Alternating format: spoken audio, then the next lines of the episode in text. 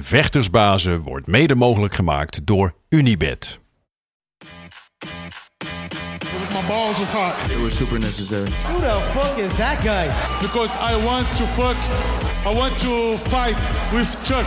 That's your job, but where I come from, you know, people like that get slapped. I'd like to take this chance to apologize to absolutely nobody. Hey, I'm not surprised, motherfuckers. This belt don't mean nothing, man. Just be a good person. That's Shit. Oh, y'all got pecan pie in this motherfucker too? Shit.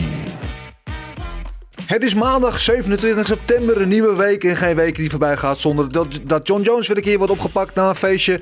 Eh, het is ook aflevering 30 van de Gouden Kooi alweer, wat een feestje is dat. En tegenover mij, dat is sowieso altijd een feestje, de man, de myth, de legend, de hurricane, Gilbert Eiffel. Gilbert, hoe fantastisch is deze week? Het is heel fantastisch. Ja? Ja, het is weer lekker. We zijn gezond. Ja, dat Ja. sowieso. Eh, we hebben een ge- eh, geweldig weekend eh, sporten gehad.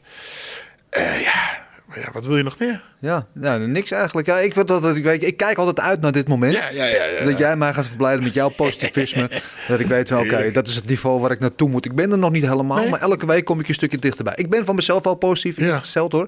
Maar eh, ja, ik kan nog veel van jou leren. Dus wat dat betreft is eh, ja, het is een learning curve, zeggen ze. Dus elke week kom ik een beetje richting jouw niveau. Ik trek maar jou op. En dus eh, hou, dat, hou dat vol. Dus dat is sowieso heel mooi. Het is behalve eh, gewoon sowieso een mooie dag. Het is ook Wereldtoerismedag vandaag. En daar staan we stil bij natuurlijk. Ja, toerisme is voor heel veel landen een belangrijke inkomstenbron. Ehm, en dat nemen we allemaal heel erg voor, voor lief natuurlijk. Maar vorig jaar, toen met COVID, denk ik, ja, dat was het opeens niet meer zo vanzelfsprekend. Lag het ook heel veel op zijn reet. Reizen kon niet meer, het is moeilijk. Ehm, en voor heel veel landen, neem bijvoorbeeld Thailand, die zijn, eh, ik weet niet, voor 90% afhankelijk van toerisme. Dus het zijn eh, economisch zware tijden geweest. Nu begint het allemaal langzaam weer een beetje eh, op te krabbelen. Wat, als, als jij als toerist, ik weet niet, reis je graag? Ehm, ja, nee. Nee, niet echt eigenlijk. Een keertje op vakantie vind ik leuk. Maar dan lekker bij het strand of bij het water liggen. Dat is ook het enige wat ik dan wil doen. Ja. En niet echt eh, dingen gaan bekijken. Nee, nee. Dat, eh, nee, ik eh oh, had ik helemaal, helemaal geen zin in. Nee, maar, maar nu het weer een beetje mag, wat zou de eerste plek zijn waar je naartoe wil? Ehm, ik denk... ja, maakt niet uit. Maar ik denk Barcelona. Dat ik Barcelona. met mijn meisje ging, gingen we samen naar Barcelona. Het was leuk, gezellig. En eh, waarom niet? Een keertje daarheen. Ja, leuk. Barcelona is hartstikke leuk. Ja. mooi, mooi. Lekker dichtbij ook. Ehm, het is vandaag ook het begin van de internationale week van de doven. Oké. Wat zeg je? Ja, Ehm, ja dat, dat heel veel mensen toch met gehoorproblemen. Ik ben zo iemand, dat ik, ik weet op een gegeven moment, ik hoor jou nu ook prima, maar eh, in, familie, in mijn familie heerst doofheid. Dus ik op een gegeven moment moet ik ook zo'n ding in mijn oren. Ja. Dat probeer ik zo lang mogelijk uit te stellen, maar eh, dat, wordt, eh, dat wordt wel een ding. Is wel een voordeel ook thuis. Als mijn, als mijn vrouw wat tegen me zegt, wat ik wat geen zin heb om te horen, dan doe ik gewoon dat ik het niet hoor. En dan kan ik zeggen, ja sorry schat, het zijn mijn oren. Dus altijd een mooi excuus om op terug te vallen. Dus dat internationale week van de doven. Weet, weet ik heb een tijdje, ik ken een paar dove mensen. En Mhm. Door, mijn, door mijn trainen toen is het eh, er niets van gekomen. Maar ik heb een tijdje geprobeerd om gebarentaal te leren. En dat wil ik nog steeds doen. Want dat vind ik eigenlijk Ja. wel heel stoer om dat te kunnen. Ja. Want wat doen we als we mensen ontmoeten die doof zijn? Ja. Weten we niet wat we moeten doen. Worden we een beetje verlegen. Ehm, we draaien ons hoofd een beetje. Maar die mensen kunnen gewoon prima eh lip lezen. Ja. En als je dus naar hun aan blijft kijken en dus duidelijk probeert te articuleren, wat ik zelf al niet goed kan. Maar hun, het, is, het is fantastisch dat hun dat kunnen gewoon. Ja. En eh, door niet verlegen te zijn en gewoon, hè, dan kun je gewoon een heel gesprek met ze voeren. Dat is eigenlijk eh, interessant. En ik wil nog steeds leren gebarentaal, want dat vind ik wel heel stoer om dat te kunnen.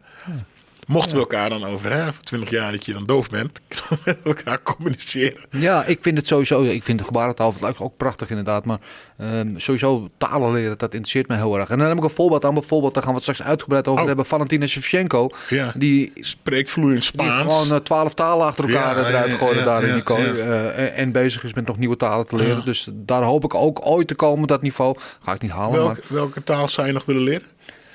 Ehm, nou, ik, ik ben een tijdje geleden begonnen met Spaans, maar dat is weer een beetje gestokt. Maar Spaans is een, een taal die ik graag echt onder de knie zou, zou willen hebben. Ja. Vind, ik, vind ik een mooie taal. Nog een taal die over heel veel plekken wordt gesproken natuurlijk. Dus daar kan je best wel mee uit de, uit de voeten. Ehm, ik zou wel eh, Japans willen leren, Oeh, dat is moeilijk. maar dat is heel moeilijk. Ja, want het schijnt als je Japans leert en jij spreekt het eh, één of twee maanden niet meer, dat je het dan Weer verleerd. verleert. Ja. Dat, is, Ja. dat is apart ja. eigenlijk. Eerst maar het Spaans. Ja.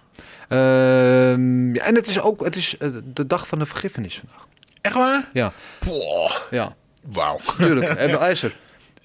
Ik ben niet iemand die, die heel rancuneus is. Eh, ik kan wel eens boos op iemand zijn, maar dat gaat vrij snel weer weg. En ik vind namelijk, het is zo van negatieve energie. Weet je, het is zo. Ja, je draagt het met je mee. En als je boos op iemand anders bent, dan, dan heb je zelf ook die, die, die donkere energie in je. En dat is zo zonde. Dus ik ben altijd wel voor het vergeven van mensen. Uiteindelijk ligt het aan wat, wat ze gedaan hebben natuurlijk. Ehm, heb jij iemand die jij zou willen vergeven? Dit is je kans. Wie in jouw leven verdient het om vergiffenis ja, te krijgen? Nee? Ik, eh, ik ben eigenlijk, hetzelfde als je weet, hè, ik ben heel positief. Mhm. En, eh, maar als ik eenmaal boos op je ben, dan, ja, sorry, dan vergeef ik je niet eh, zomaar. Ik heb daar heel veel moeite mee. Ik, Ja. Je moet mijn vrouw maar eens vragen. Die Maar word je "Joh, snel boos moeilijk mensen?" lo- loslaten. Nee, ni- niet. Nee. Helemaal niet. En ik ben ook, wel, ook best wel van het vergeven. Het begin. Weet je, als je dan naar me toe komt, zeg je, ja, sorry man, sowieso Ja, ja. klaar.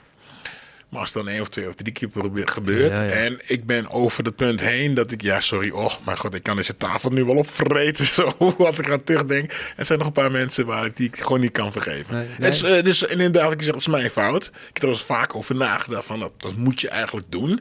Maar ja, sorry man, daar ben ik nog niet volwassen genoeg voor blijkbaar. Oké, ja, ja oké. Dus niemand die jij vandaag eh, die, eh, die, die Nee, gepartend wordt. nee, nee, nee, nee, nee. Eerder nog dat ik ze liever even... Oké, genoeg, genoeg erover. Laten we het over vechten hebben. Daar zijn we hier er tenslotte voor. Eh was genoeg te zien afgelopen weekend. UFC 266 onder andere, daar gaan we het uitgebreid over hebben. Heel even kort, want ik weet dat jij daar een grote fan van bent. Boksen, Ah, ja, wereldtitelgevecht, ja, zwaargewichten. Anthony Joshua tegen Alexei Oeg- eh. Eh, wat een wedstrijd, hè? Ja, geweldig. Heb je genoten? Ja, al vanaf, vanaf het eerste moment. Het was fantastisch. En helemaal omdat iedereen zei, nou, Alexander eh, is eh, een betere vechter dan, eh, dan AJ, dat weet iedereen. Maar hij is niet zwaar genoeg, hij is niet groot genoeg, dus hij gaat niet trekken. En, en als hij zou kunnen winnen, dan zou het pas na de zesde of soms zevende ronde dat hij dan een beetje op gang kan komen. Ja. En dan komt hij, eh, begint de wedstrijd en hij begint meteen te knokken. En slaat Anthony Joshua meteen even een paar keer goed op zijn Ja. gezicht. En, ja, en eigenlijk heeft Anthony Joshua vanaf het begin van de partij eigenlijk een beetje achter de feiten aangelopen. Ja. Hij won wel een paar rondes, maar hij, eh, ja, het was zo'n Ja. mooie partij. Ja, ja het, was, het was een spannende wedstrijd. Ik had ook eh, zelf Usyk als winnaar. Ik was verbaasd. Oh, kijk, ik wist wel van tevoren dat Usyk is natuurlijk... Technisch fantastische bokser natuurlijk. Waar hij was de undisputed eh, cruiserweight champion, eh, Olympische medaillewinnaar of een gouden medaillewinnaar eh, enzovoort enzovoort. Dus dat hij de betere bokser zou zijn, dat wist ik wel. Maar ik had van vooraf gedacht dat Joshua hem wel zou kunnen overpoweren. Dat hij gewoon wel meer die pure zwaargewicht power heeft. En dat hij na gelang het gevecht vorderde, dat hij op een gegeven moment toch wel de Usyk een beetje zijn wil op kon leggen. Maar hij, dat was een puzzel en hij had er twaalf ronden de tijd voor. Maar hij kreeg hem niet opgelost. Ja, ik denk dat, eh, dat, dat zij de, de, ex, de experts, en dan ben ik dan niet echt een expert, maar die zeiden ook van, hij moet vanaf het begin van de eerste bel, moet hij op zijn lip zitten en Ja. hem dus overrompelen. Ja. En ik denk, ja, Anthony is, is niet echt een hele snelle starter. Nee. Eh, maar hij kreeg helemaal, hij kreeg gewoon geen kans. Nee. Want eh eh, die Oesik, die Alexander, die, die zat meteen op zijn lip. Ja. Meteen vanaf de eerste, vanaf de eerste bel. Ja. En bewegen, bewegen op zijn lip en op zijn lip. En, wat maar, en toen de- maakte Anthony de fout van, oké, jij kan zo boksen, dat kan ik ook. Nou ja, hij heeft het wel twaalf rondes volgehouden om zo te bewegen als Alexander Oesik deed. Ja. Maar als je daar niet op getraind en als je dat niet, ja, dan hou je dat dus, dat, dat, dan, dan kan je dat niet. En daarom ging hij ook helemaal kapot. Hij ging er zo stuk op. Dus hij had eigenlijk wat ik denk, het, eh, wat hij had moeten doen, stil blijven staan, handen hoog en instappen en, eh, stoten. Ja, Ja. En gewoon, of althans naar voren blijven Ja, lopen. En niet mee gaan vechten met een, eh, als ik als sprinter mee ga vechten met een marathonrenner. Ja, of mee ga rennen met een marathonrenner. Ja, ja, Dat, eh, Dat, dat, dat trek ik niet. Ja, geweldig, geweldige wedstrijd. Geweldige ambiance natuurlijk ook in het hol van de Leeuw. Hè, Oezik. Want in, in het Tottenham Stadium met wat, wat, ik weet niet hoeveel, 60.000 mensen of zo. Van een volle bak daar. Fantastische ambiance. En ehm, eh, ja, geweldig. Mooi voor Oezik natuurlijk. Die als zware underdog. Ik ben altijd wel een beetje van de underdog. Ehm, aan de andere kant ben ik nu met terugwerkende kracht een beetje boos op Deontay Wilder. Want die- Omdat hij ja, omdat die, die rematch-clausule heeft gelicht in het eh, contract met, eh, met eh, Fury. Want anders hadden we nu gewoon Fury tegen Joshua gehad. Wat natuurlijk iedereen graag wilde zien. En, en die partij lijkt nu wel een beetje ver weg. Want Hm. nu krijgt Usyk eerst rematch tegen Joshua. Uh-huh. Gaat Fury nu tegen Wilder. Dus als die partij uitkomt, dan duurt het nog wel een jaar of wat. Ja, maar het is ook wel aan de ene kant ook wel weer spannend. Ja. Hè? Gaat Usyk de tweede keer van Anthony kunnen winnen? Ik Ja. hoop en denk het eigenlijk wel. Als dat niet zo is, dan wil ik wel zien hoe Anthony eh, dat gaat doen. Eh Wa- Waalde tegen, eh, eh, tegen Fury voor een, een derde keer. Ja, wint Fury. Ja, dat hoop ik. Maar het is toch wel leuk om te zien. Want Ja. eh Wilder blijft gevaarlijk met zijn, met zijn, met zijn ghetto-wopper. ghetto-wopper. En, en dan, eh, ja, en dan eh, de winnaar ehm, van die twee partijen. Die dan hoop ik tegen elkaar. Nou, geweldig Ja. toch? Ja. Ja. Ik voorspel wel dat als Cel Usyk wint de tweede keer van Joshua... en het wordt op een gegeven moment Usyk tegen Fury... dan eh, wint Fury dat. Oké. Zonder twijfel. Nou, is goed. ik, ik, ik, je weet hoe ik Komen ben. hè? Tom Poes Ik- Tom aan? Poes. Nee, weet je wat? Nog sterker, nog sterker. Ik hou van Tom Poes. Iedereen weet ik hou van Tom Poes. Ja? Maar... Ik, ik maak misschien eh, reclame, maar hè, de, de, de drie graafjes heeft van die geweldige Red Velvet cake. En ik vind dat deze weddenschap wel een Red Velvet cake uh, Red Velvet. Het is een, eh, Oké, oké. Ja. bij deze. Ja, ik. Fury met boter en suiker. Ja, ja, ja, ja. Nee, ik, hey, luister, ik, ik, eh, ik hoop dat eh, Alexander gaat winnen. Ik ga Ja. niet zeggen van dat gaat Alexander winnen. Dat weet ik niet, maar ik hoop het wel. Maar ik wil wel een lekkere. mm. Bij deze in, in de archieven voor eeuwig opgeslagen, deze weddenschap.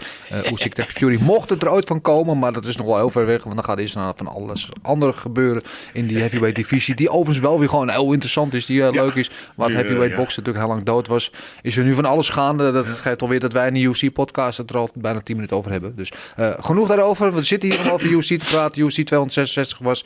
Uh, jij zei van tevoren, we geven, ik, ik voorspel het wordt een 8. laten we meteen maar daarmee beginnen. Welk cijfer geef je het? Oh ja, dan moet ik toch eigenlijk nog een beetje teleurstellend zijn.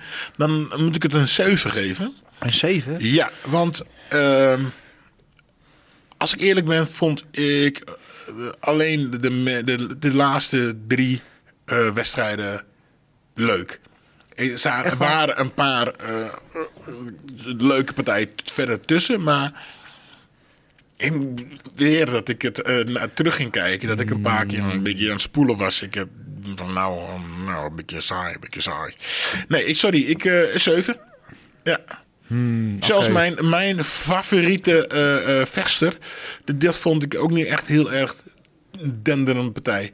Al buiten, het, laten we voorop zeggen dat, dat ze natuurlijk weer br- br- briljant vocht. Slim, maar het was een beetje een saaie partij. Sorry. Sorry, sorry. Ja. Ik vind, ik, vind jou wel weer, eh, ik vind jou wel weer heel streng hoor. Ja, sorry. Ik vind jou wel weer heel streng. Weet je waarom? Nou, Als je een evenement hebt dat potentieel de twee rondes van het jaar heeft. Ja? Er waren twee partijen die ja. potentieel een ronde van het jaar hebben. Als dat op één evenement gebeurt, Ja. dan is het toch gewoon geweldig. Dat is het, alleen dat gegeven al maakt het voor mij al gewoon een 8. Het- Ik snap, ik snap echt wat je bedoelt, maar heb jij gillend op de bank gezeten? Van, oh, wauw! En die Nou. partij, en weer die partij, en die partij ook, en die partij ook. Nee, kijk, er waren een paar partijen die misschien niet helemaal aan de verwachtingen eh, voldeden. Eh, er waren partijen, paar partijen waren oké. Eh, maar er waren wel een aantal partijen die ik van echt gewoon handenwrijft heb zitten kijken. Ja. Die ik echt nou, heb van eh, zitten ja, genieten. maar daarom ook een zeven. Ja, nee, ik, ik vind dat- gegeven van die twee ronden, dan heb ik het over die derde ronde van Volkanovski tegen Ortega, fantastische ronde. Ja, ja, ja, en de ja. eerste ronde van eh Merab eh, Dashvili, of hoe hoe je dat ook uitspreekt, Mhm, tegen, tegen Moraes. Fantastische ronde, die twee ronden, dat maakte voor mij het hele evenement al. Ja, maar, eh, ja ik, ik snap echt wat je bedoelt, maar er zijn maar twee partijen. Ja. En het waren de, hè, je hebt de prelims, je had de, de, early prelims en de main partij. Ja, sorry, main fight. Mhm. Ja. Main card, ja. Oké. Maar goed, ik vind je nog steeds aardiger, ook al jij dat. Ehm, De partij. Ja, Main nou laten we, laten we het hebben over die, die main event. Die, die, Ja. die was natuurlijk Fantastisch, toch? Uh, Volkanovski tegen, tegen Ortega was er heel lang naar uitgekeken. Zou in maart al vechten. Toen uitgesteld omdat Volkanovski COVID had. Mhm. En uh, toen hebben ze die hele uh, Ultimate Fighter dingen gedaan. Was in coaches tegen elkaar op stond. Was lekker opgebouwd. Was veel animositeit. Veel woede naar elkaar. En ja, die partij was vanaf de eerste seconde tot en met de laatste seconde was het gewoon... Spannend. Spannend. Spannend. Vuurwerk. Ja. Alles, weet je, hoe Volkanovski die derde ronde overleeft. Dat hij een paar keer uit die choke vandaan kwam. Ja. Nee, uh, Alexander uh, Volkanovski, uh, hetzelfde als al, een beetje zoals uh, de bokspartij. Domineerde die partij, maar Brian bleef levensgevaarlijk. Dus ja, elke seconde van de partij zou, kon er van de andere kant wat terugkomen. En dat is alweer zo grappig, want Alexander die, ja, die vocht als een monster, deed alles. Ja. En Brian die was eigenlijk alleen maar aan het verdedigen. Dit, een paar goede trappen, een paar goede stoten terug. En in één keer zat hij bovenop en had hij in een triangle. Hè? Ja. Zo snel. Snel was hij, hè? Of in een, uh, in een guillotine. Ja, ja, ja. Oh, wauw. En die, nou, die zat zo diep dat ik zelfs klopte. Ik zat op de bank en ik klopte. en uh, Alexander komt er gewoon uit. Ja. En nog niet eens wat een minuut later zit hij in een triangle. Die volgens mij nog dieper zat. En dan kwam hij ook uit. Nou, en ja, Ja. ja. kijk, en dat geweldig. Fantastisch, ja. Geweldige pot. En ja, eh, Alexander volledig aan het domineren. Brian, eh, eh, Brian Ortega die dan toch eigenlijk twee keer super gevaarlijk is met, Ja. dus met zijn chokes. Helaas daar wel, nou, ik denk als een kruid verschiet. En eh, ja, dat Alexander. En eh, hij, blijft, hij, blijft, blijft, hij blijft toch terugvechten. Hij blijft gevaarlijk. Maar Ja, ja, ja, ja wat wat een geweldige dat wedstrijd. Ortega liet ook wat mij betreft wel weer zijn progressie zien. Ook in zijn stand-up. Ja. Weet je wel, van, van tevoren wist dat Volkanovski daar wel het, het, het voordeel zou Mhm. hebben. Maar liet zien dat hij daar ook weer progressie in had gemaakt. En ehm, dat hij op een gegeven moment in die wedstrijd bleek. Want op een gegeven moment was er een moment tussen de rondes in dat de dokter even kwam kijken. Dat zijn oog helemaal dicht zat. zelfs, ja. Ja, en het Hubdien eh, zei hoeveel vingers steek je op? En dat die is, eh, in één adem zei 2, 3, 1. Eh, nou ja, weet je wat? We laten het wel doorgaan, want het is gewoon een heel topgevecht.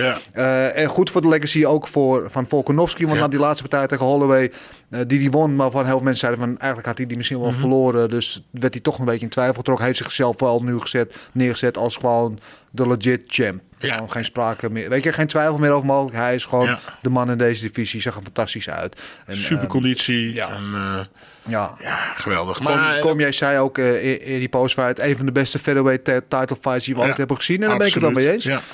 Ja. Eh, um, inmiddels aangeschoven bij ons eh, op deze vroege maandagmorgen. De, de man in the know. De man die alles weet, alles kijkt. Van Bahrein tot de Malediven en alles wat ertussen zit. Alle evenementen. Die, ja, wiens pen scherper is dan welk zwaard dan ook. Die deze week weer de hele MMA-wereld heeft laten schudden. Eh, de gezworen aardsvijand van Paddy Pimlet. Dan heb ik het natuurlijk over de enige echte Big Marcel Dorf. Marcel, goedemorgen eh, op deze nieuwe maandag. eh 30e aflevering van de Gouden Kooi. Goed dat je er weer bent. Ehm, hoe heb jij die, eh, dit, dat titelgevecht tussen Volkanovski en Ortega beleefd? Was het, voldeed het aan jouw verwachtingen? Goedemorgen beiden. Ja, zeker. zeker. Ehm, ik denk dat het een heel goede partij was. Ehm, ik vond wel dat uh, ja, Volkanovski was wel duidelijk iets beter. Maar Ortega blijft gewoon altijd gevaarlijk. Vooral met zijn submissions. En uh, ja, hij kwam keer heel goed uit. Dus uh, ja, ehm, ja, een hele goede partij. En uh, de fight of the night ook, denk ik. Ja, ja oh, geweldige, geweldige partij. Uh, eventjes welke, welke cijfer We hebben hier weer het wekelijkse dispuut. Gilbert was wel zuinig met zijn cijfer. Ik was misschien weer wat ruimhartig. Welk cijfer geef jij het? Ik zou 7,5, 8 doen. Ja. Um, maar ik ben, ik ben wel benieuwd wat jij doet. Want je hebt vorige week een 8 gegeven, dus dan moet je nu een 9 geven. Ja, daar uh, zet je me wel op mijn plaats. Uh, ik had vorige week een 8. Dat was misschien wel te ruimhartig. Maar ik vond dit, ik vond dit wel... Uh, zeker een 8. Ik heb dit ook een 8 gegeven. Maar dit is okay. wel een, een duidelijkere 8 dan vorige week. Vorige week was een 8 dan misschien wat te ruimhartig. Maar ik, ik vond, weet je, Volkanovski, uh, Ortega was fantastisch. Ik vond Shevchenko, mm -hmm. vind ik altijd een genot naar te kijken. En, en Nick Diaz-Lol, was natuurlijk ook alles wat je ervan hoopte dat het was. Uh, maar er waren ook een paar partijen die een beetje nou, lackluster, zeggen ze in het Engels, waren. Zoals uh, uh, mm -hmm. nou, Rozenstruik was mm, een beetje saai. en zo waren er nog een paar potjes. Dus ik, ik vind het een, een goede 8. Maar een dikkere 8 dan, dan vorige week. Maar 8 plus dan zo. Nou, dan zitten we dan toch wel op hetzelfde lijn. Want ik heb vorige week had ik vorige week? Een zesje. Een zes. Een zesje. Ja, maar het was niet een echt... Een, Nee, hè, dat, dus jij was dat, dat dan een beetje een 7. Nou ja. Laten we eerlijk zijn. Nou nu zie ik op een 7 en dan zie jij op een dikke 8. Nou, dan zitten we toch een beetje op dezelfde lijn. Ja, nou ja, er is wat speciaals aan pay-per-view avonden. Die bringen gewoon een bepaalde energie met zich mee. Dat, het gewoon, dat iedereen net even meer straalt dan, dan op, ja, toch in die lege Apex nu in die T-Mobile Arena met 20.000 man die op de banken staan.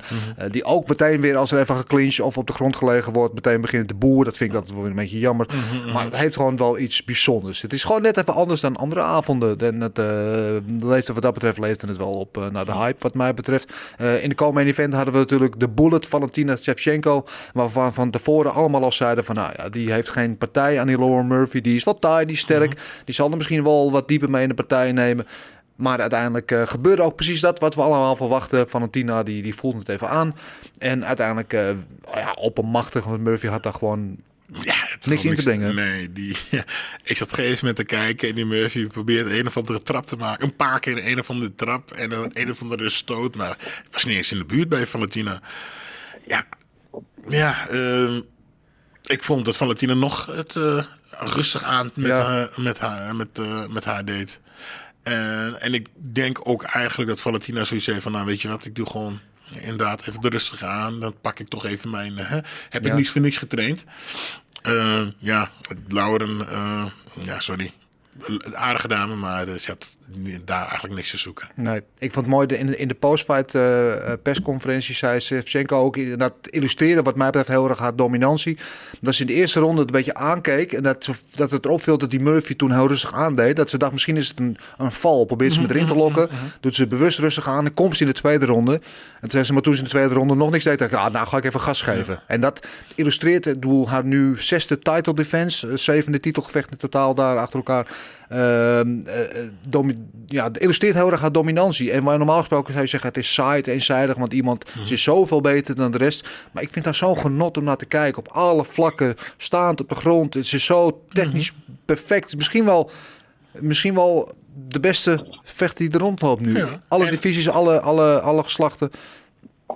En, en dat, eh, de, dat de partij ja, een beetje saai wordt, is natuurlijk niet haar schuld. Want Nee. een, eh, eh, vechters maken een partij. Dus nou ja, dat, haar tegenstander kon gewoon niet beter. Nee.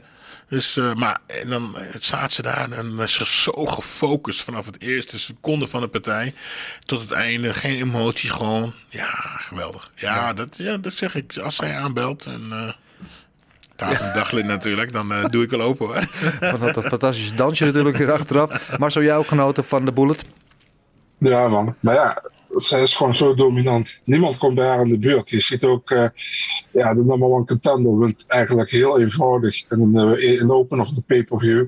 En eh, ja, die heeft ze gewoon ook met gemak verslagen. Dus ik heb geen idee wat ze nu met haar gaan doen.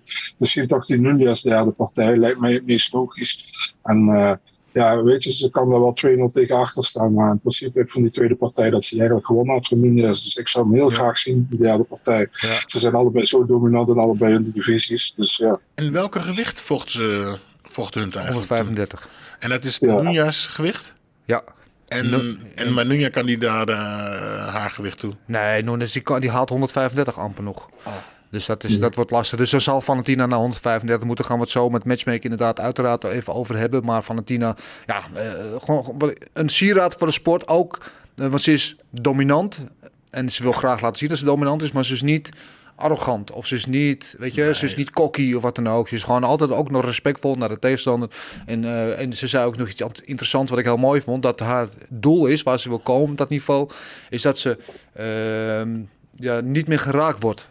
Dat ze gewoon zo goed is dat ze alleen maar dat ze precies kan doen dat ze in een soort matrix komt. En nou ja, er is ze al best wel aardig dichtbij. Want Murphy ja, had gewoon niks in te brengen. En wat ze ook probeerde, en de, de hoek gaf op een gegeven moment tussen de ronde ook het advies van beweeg naar die linkerkant. Want ze is die, die trap aan het opzetten, die Ja. hoge trap.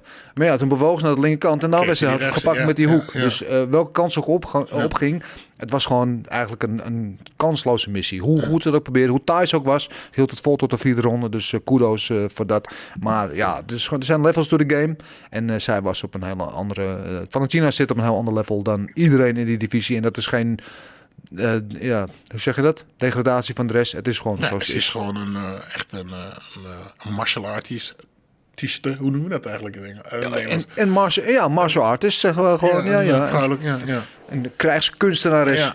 Ha, ehm, dan uh, naar het gevecht. Uh, drie, we hadden drie, vijf ronde gevechten achter elkaar. Dat maakte het op voorhand misschien een langer zitten, maar dat zo voelde het absoluut niet. Nee. Natuurlijk de Legend Fight. En ik hoop dat de jongens bij Triller goed hebben opgelegd. Dit is hoe je twee Legend tegen elkaar zet. Niet een 58-jarige man tegen iemand die 12 jaar jonger is, maar gewoon twee gasten die weliswaar voorbij een prime zijn, maar Mhm. nog steeds goed genoeg zijn. Uh, tegen iemand van gelijk niveau, van gelijke leeftijd.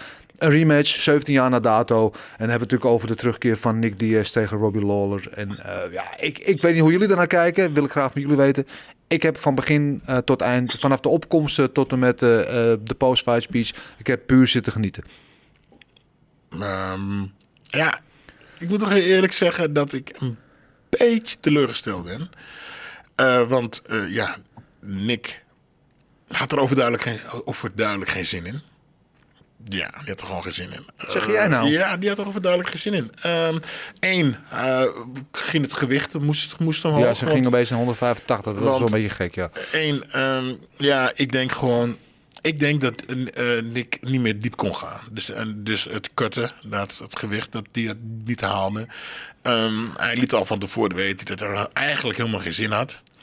En dat kwam volgens mij ook een beetje in de partij naar voren. Kijk, hij is een vechter, dus hij vecht gewoon. Maar op een gegeven moment hij diep moest gaan, deed hij het niet. Uh, ja, hij brak, volgens mij brak hij zijn neus. En uh, toen was het volgens mij ook genoeg ja. voor hem. Ja, hij, ik, de partij was natuurlijk top. Hè? Want vechten kunnen ze alle twee wel. Maar ja, je had ik, meer van Nick Diaz. Ja, ik, weet je. Uh, ja, maar wat, is, wat mag je reëel verwachten van iemand die en op leeftijd is en al uh, 6,5 jaar niet gevochten heeft? Wat is, de, wat is reëel? Verwacht je dat je Nick Diaz in zijn prime krijgt? Of nee, uh, absoluut niet. Maar ik had toch wel een beetje uh, verwacht dat hij iets meer getraind zou hebben. Afgetraind zou zijn. En de oude Nick Diaz, althans niet de oude, maar die, diegene die niet opgeeft. Ja. Een, een Nick Diaz die opgeeft. Zo van, ja, ik vind het wel best. Dat had ik niet verwacht. Dat was een beetje teleurstellend. Laten we eerlijk zijn, hij staat daar, hè? ik niet. Hij heeft echt, hij vocht als een monster. Hmm. Maar ja, ja, dat ja. vond ik hem. Ja, ik had ja, er inderdaad ietsjes meer, meer van okay. verwacht. Ja, nee, ik, ik, zag wel toen, toen het begon, hij zag er wel een beetje, een beetje zacht om de middel, zag ja, eruit. Dat dus bedoel ik ook een beetje. Afgetraind, hij begon, leek een beetje, hij komt met die een rare draaitrap, mm -hmm. kwam uit de hoek, leek hij vrij slow, maar ergens. Mm -hmm in de eerste twee minuten van die eerste ronde kwam opeens het boksen. En het boksen zag er wel super crisp uit. Pap, pap, met de lange ja. stoten. En uh, dacht ik van oké, okay, uh, we have a fight. Ja. En, en, deed volgens wat hij moest doen. Vocht hem, vocht, vocht zich mm -hmm. aan de binnenkant. Mm -hmm. Kwam met de lichaamstoten en, en finishte hem eigenlijk fantastisch. Ik, ja, ik, ik vond het te veel, want ze stonden al gewoon te treden ja, over en weer. Uh, Marcel Dorf, wat vond jij van dit gevecht? Is het jou ook tegengevallen? Of hoe, hoe, ja, hoe beoordeel je deze legend fight? Nou, we gaan voor Gilbert ingaan. Hij is teleurgesteld in Diaz dat hij opgeeft in de derde ronde. Hé hey man, je hebt volle punten gepakt doordat Diaz opgaf in de derde ronde. Kijk man. maar ik ben wel met je eens. Ik ben wel met je eens. Ik had ook iets meer verwacht.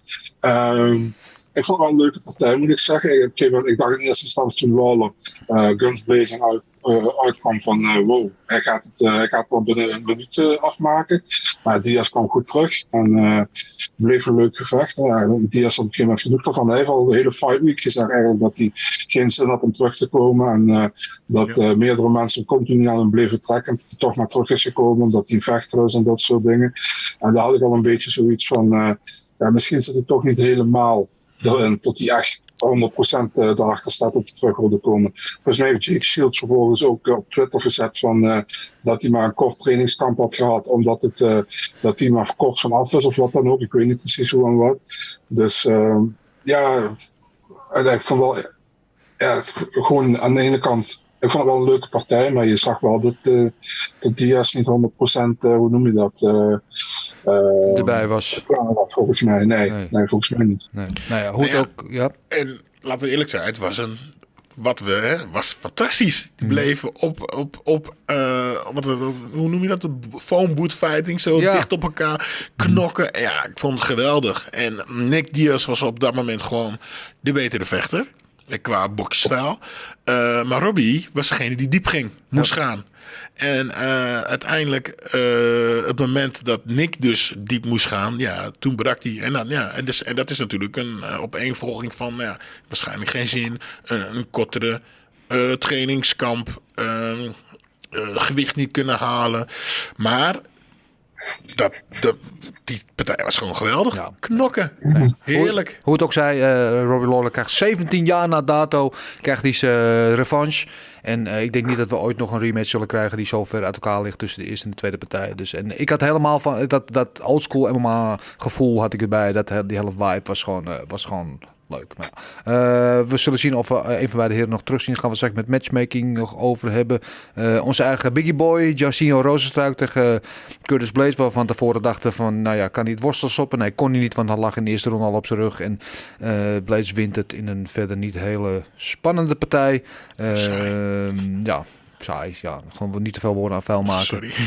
Um, Jessica Andrade inderdaad, uh, zoals Marcel net al noemde, die uh, Cynthia Cavillo in de eerste ronde uh, ja, vernietigde. Gewoon dwars door erheen liep. Terwijl Cavillo tot dan goed in die wedstrijd zat. maar Andrade had gezegd, ik ga de eerste zijn die de finish. Dat deed ze ook. Maar ik wil eventjes het hebben over ehm, de laatste partij in de prelims partij waar ook veel mensen naar uitkijken tussen uh, Mannen Moraes en uh, Marab de Walashvili. Oh, ja, ja, ja. Uh, mijn hemel, wat een wedstrijd. Marcel, ik weet, jij zat al op die Marab hype train een beetje. Nu nog steviger waarschijnlijk. Hoe goed is Marab volgens jou? Ja man, goed. Dat Duracell konijn, hè, is dat. Dat is uh, normaal. Ja. die man die kan volgens mij uh, 100 rondes vechten. En heeft hij nog altijd cardio over. eerste ronde daar was hij zwaar aangeslagen. Was, heeft hij eigenlijk, ja, geluk wel niet, zeg maar, hij heeft geluk gehad dat de scheidsrechter, de scheidsrechter er niet tussen kwam. Ik denk dat heel veel ertussen waren gekomen.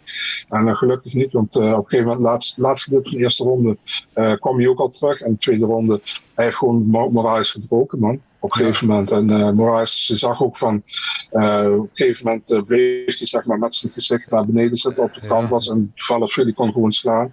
En hij was er klaar mee. Dus en, ja, overtuigend man. Weer overtuigend. Kijk, de Valafili volgens mij is nu 7-2 in de UFC. Wat mij betreft is hij eigenlijk 9-0. Maar goed, hij is 7-2, maar hij is echt goed. En het enige probleem voor hem is, is dat zijn, uh, zijn vaste trainingspartner, Aljamain Sterling is de kampioen, hij heeft gezegd, ik ga nooit tegen Sterling vechten. Dus ja. Ja, ja, uh, in elk geval, ik dacht het al, maar na afgelopen zaterdag weet ik het zeker dat uh, Marab is, ik noem hem Marab, want dan hoef ik niet in die achternaam te wagen, is een Terminator. Ik, ik ben gewoon van overtuigd dat hij is niet menselijk. En hij, kan ook niet knock-out worden. Dus toen, ook toen hij neerging, uh, hij werd neerslagen, maar kon niet KO, want het is een Terminator. En ik uh, ben heel benieuwd wat ze met hem gaan doen. Mm, misschien niet over hebben, misschien wel. Maar uh, ik denk dat er heel weinig mensen zijn in deze divisie die echt veel zin hebben om tegen hem te vechten. Want het is gewoon, ja, hij is echt een probleem. Hij is echt een probleem. En ik weet niet hoe jullie daar naar kijken, maar ik zie hem ooit in ieder geval wel voor die belt vechten. Ik, uh, ik hoop het voor hem. Uh, in ieder geval, je kunt hem niet, niet knock-out slaan. Uh, misschien een submission. maar ja, wat een beest. Gewoon aangeslagen zijn. Zwaar aangeslagen zijn. En terug knokken ja. als een malle. En de boel gewoon eventjes serieus omdraaien. En dan, ja, de pest voor uh, Marlon, uh, ja, die uh, zijn beste stoten gaf. Zich daarna letterlijk leegvocht. Ja, jammer. Jammer, jammer, jammer. Maar Merab, fantastisch. Ja, uh, die moet je niet op straat tegenkomen. uh, nee, nou, of in ieder geval dat je hem ziet voordat hij jou ziet en dan gewoon heel snel de andere kant op lopen. Want uh, ja, wat een monster is dat. En, maar wat er genot om naar te kijken. En ook, ik, hij heeft een bepaalde energie over zich, ook in zijn, in zijn interviews achteraf en zo. Het is, ja, ik, ja. ik, ik, word er blij van. Ik vond, ik vond het heel mooi en ik kan niet wachten op zijn volgende gevecht. Den Hoeker hadden we, die, die wint de Battle of the Jetlag. Want we wisten natuurlijk allemaal, vorige week hadden we nog erover dat hij moeilijk had, uh, visummoeilijkheden had. Werd het bij hem opgelost, maar komt dan donderdagavond pas aan in uh, Las Vegas. Moet daar nog gewicht maken na een vlucht van weet niet hoe lang uit Australië. Dan blijkt op woensdag dat zijn tegenstander Nasrat uh, Hakparas hetzelfde heeft. Die werd in Frankfurt tegengehouden, ook met visumproblemen. Komt ook pas laat aan. Ja. Staan uiteindelijk, maken gewicht, staan tegenover, tegenover, tegenover elkaar in de kooi. En dan ziet Den Hoeker eruit alsof er niks aan de hand is. Zag er eigenlijk fantastisch uit en behaalt gewoon een hele goede overwinning. En Marcel, jij was daar ook van onder de indruk, toch? Ja, zeker van die, uh, dat ze gewoon hun gewicht houden. Uh, nauwelijks voorbereiding daarvoor gehad. En ik zag ook heel veel mensen zeggen van dit is misschien, moeten ze misschien een catchway doen. Dat is niet eens nodig, want ze hadden gewoon het gewicht gehaald, heel knap.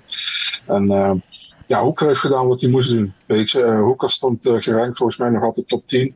Uh, Hakparas stond niet gerankt. Dit was eigenlijk gewoon een aanval van, uh, van Hakparas op een ranking en voor Hoeker te kijken of hij daar nog altijd wil te staan. En Hoeker wordt er nog altijd te staan. Dus ja, goede overwinning.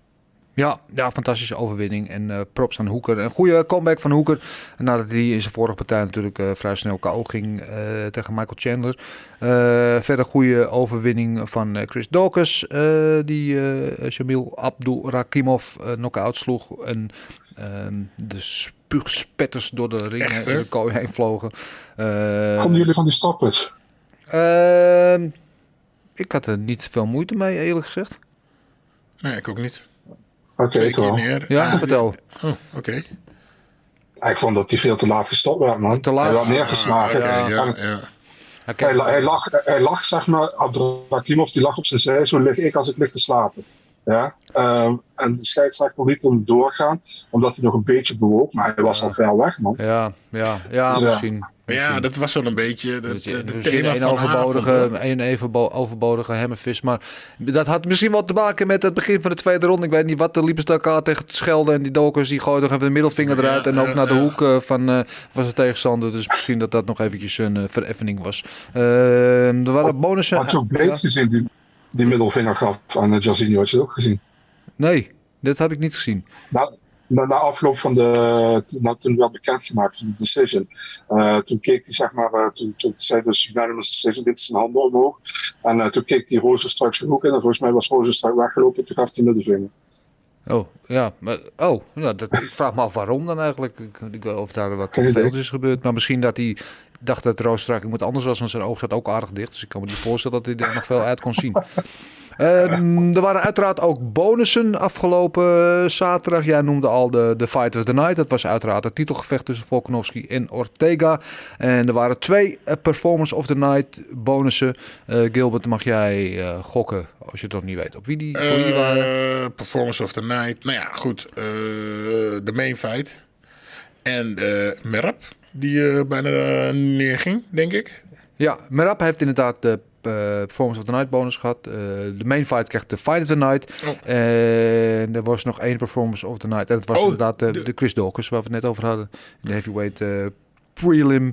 Dus maar what about, even kijken, waar zit die, die knock, die drie seconden knockout. Of wat was dat? Dat was een early prelim. Hè? Ja, dat was uh, uh, Semi the Jedi, Semmelsberger. Na 15 oh, seconden. Die zat er ook vrij aardig op. Die had ook misschien wel een bonus verdiend. Maar ja. Ja, heeft ja. niks gekregen? Nee, niks gekregen. Zonde. Ja, nee. ja oké. Okay. Nee, nee 50.000 dollar uh, krijgen de, Toch, de bonus allemaal. Dus daar, uh, nou, Merry Christmas aan hun.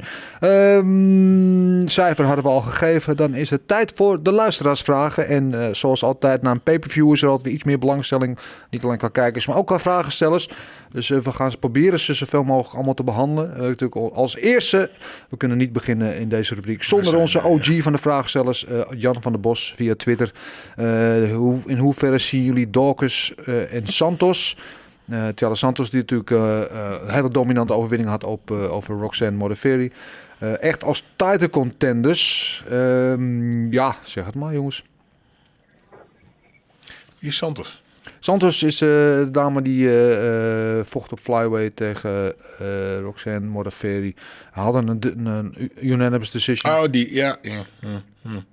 Ja en, en, en, wat was die Dauk, Dauk, Dauk de Chris Dauk? Dauk was die, die, inderdaad die, die zwaargewicht. Die, die zwaargewicht die hem, waar we het net over hadden met die la, volgens stoppers. daagde die toch uit? Volgens mij hoorde ik hem zeggen dat hij tegen... Uh, Stiepe. Stiepe wilde vechten. Ja. Ja, sorry man. Nee. Ja, blijf dromen, grap. Sorry. Nee. Ja. Ja, van Chris Dawkins gaat het mij inderdaad wat te ver om die meteen als starting contender te, te bestempelen. Ja. Uh, Marcel Santos?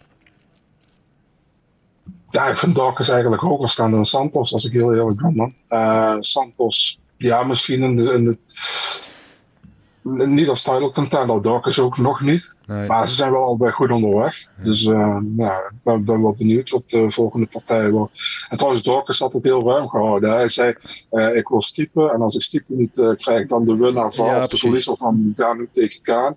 En anders tegen de verliezer of winnaar van Rozenstruik tegen Blades. Ja. Blades. Dus hij hield het heel ruim. Dus, Flexibele man nee, kan alle kanten met hem op. Ja. Ja. Ja. ja, nee, die, die moet nog een paar potjes winnen. En wat Santos betreft, die moeten ook. Maar ik vind wel misschien zijn jullie het mee oneens. Dat Sanders wel de potentie heeft om door te groeien naar een title contender. En normaal het huidige landschap in die divisie. Um, dat zij, als zij nog uh, drie potjes wint, dat zij zomaar opeens uh, tegen Shevchenko uh, kan komen te staan. was haar tegenstander? Die een, een hele die, de vrouw met de meeste partijen. Ja, ja, Roxanne Modafferi, die beetje, 39 inmiddels. Een beetje een oud, ja. Heeft nog tegen onze eigen Marloes ook gestaan ooit. Verloren op aanklem waarschijnlijk. Volgens mij weet ik eigenlijk niet meer mij wel, ja. Maar zal ongetwijfeld. Ja. Dus, uh, maar goed, dat, dat, dat uh, zullen, het zal de tijd leren. Dat is wel uh, vechters met potentie in ieder geval. Ehm, zo dominant, dominant als Shevchenko zie je ze eigenlijk nooit. Of hebben jullie andere voorbeelden? Ja, de enige die mij meteen te binnen zit is eigenlijk John Jones. Mm -hmm, mm -hmm. Die natuurlijk heel lang heel dominant was in zijn divisie. Um, zijn er Marcel nog andere kampioenen waarvan je zegt... nou, die waren ook minimaal net zo dominant als Shevchenko? Demetrius Johnson, Anderson ja. Silva, uh, George St. Pierre. Ja. Daar kom je al in die categorieën, zeg. Ja. Ja, George en, George en Pers had ik ook aan te denken, maar die heeft natuurlijk ook wel zijn titel verloren en terug. Um, die heeft nog wel eens adversity gehad. En Shevchenko eigenlijk. Klopt. Niet. Demetrius Johnson, die had een hele goede. Anderson Silva was dat ook, ook, ook mm. heel lang. Um, ja, dat zijn ze inderdaad. Fedor. Fedor was dat zeker. Ja, was natuurlijk weliswaar niet in de UFC, maar die was ook tien, bijna tien jaar lang ongeslagen. Mm. Zeker. Zeker. Uh, ja, dat zijn er wel een aantal eigenlijk. Maar van deze era is het sowieso Shevchenko is daar denk ik de meest dominante uh, kampioen in ieder geval op dit moment. Ja, en uh, Amanda Nunes natuurlijk. Amanda Nunes, ja, ja, ook zeker. Ja, dan, dat, dat gevecht dat moet, ook, mm. moet gewoon, gewoon komen. Zien jullie de Usyk de belts houden in de rematch volgens AJ. Daar hebben we het al over gehad. Uh, Claudie Bernard via Instagram doet dit pijn. En had ze het over het oog van uh, Ortega.